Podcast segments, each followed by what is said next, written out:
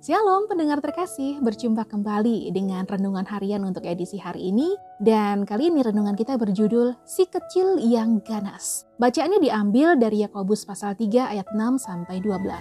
Lidah pun adalah api. Ia merupakan suatu dunia kejahatan dan mengambil tempat di antara anggota-anggota tubuh kita sebagai sesuatu yang dapat menodai seluruh tubuh dan menyalakan roda kehidupan kita. Sedang ia sendiri dinyalakan oleh api neraka semua jenis binatang liar, burung-burung, serta binatang-binatang menjalar dan binatang-binatang laut dapat dijinakan dan telah dijinakan oleh sifat manusia, tetapi tidak seorang pun yang berkuasa menjinakkan lidah. Ia adalah sesuatu yang buas, yang tak terkuasai, dan penuh racun yang mematikan. Dengan lidah kita memuji Tuhan, Bapa kita, dan dengan lidah kita mengutuk manusia yang diciptakan menurut rupa Allah. Dari mulut yang satu keluar berkat dan kutuk, Hal ini, saudara-saudaraku, tidak boleh demikian terjadi. Adakah sumber memancarkan air tawar dan air pahit dari mata air yang sama?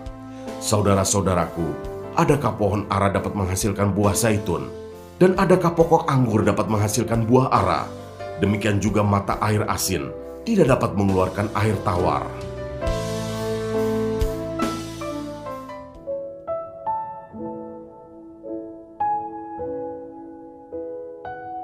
Semua jenis binatang liar, burung-burung, serta binatang-binatang menjalar dan binatang-binatang laut dapat dijinakkan dan telah dijinakkan oleh sifat manusia. Tetapi tidak seorang pun yang berkuasa menjinakkan lidah. Ia adalah sesuatu yang buas, yang tak terkuasai dan penuh racun yang mematikan. Yakobus pasal 3 ayat 7 sampai 8. Pendengar terkasih, apakah Anda pernah mendengar nama Mao Zedong? Mao Zedong adalah seorang tokoh filsuf dan pendiri negara Republik Rakyat Tiongkok atau RRT. Maka dari itu, ia punya hak untuk membuat kebijakan. Setiap kebijakan yang dibuat oleh Mao Zedong sebagai pemimpin akan mempengaruhi keadaan rakyatnya. Namun sayangnya, beberapa kebijakan yang dia ambil justru membuat jutaan nyawa melayang. Pada tahun 1956, sekitar 700 ribu orang anggota kaum intelektual ditangkap dan disuruh bekerja paksa di daerah pedesaan.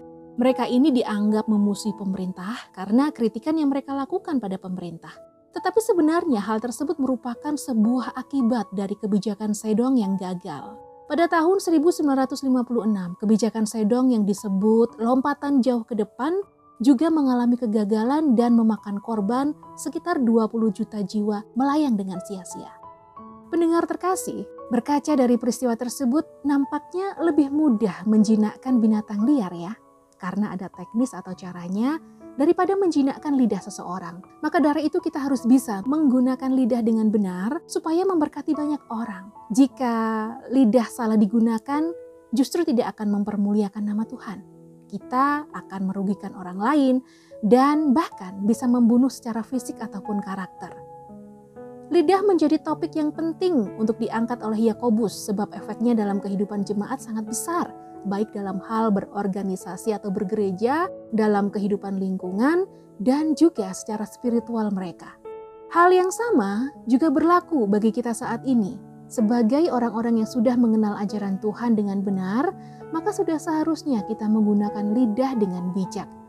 Ajaran Tuhan harus menjadi filternya dalam proses mencerna informasi yang kita terima, supaya keputusan yang kita ucapkan tetap di jalur kebenaran Tuhan.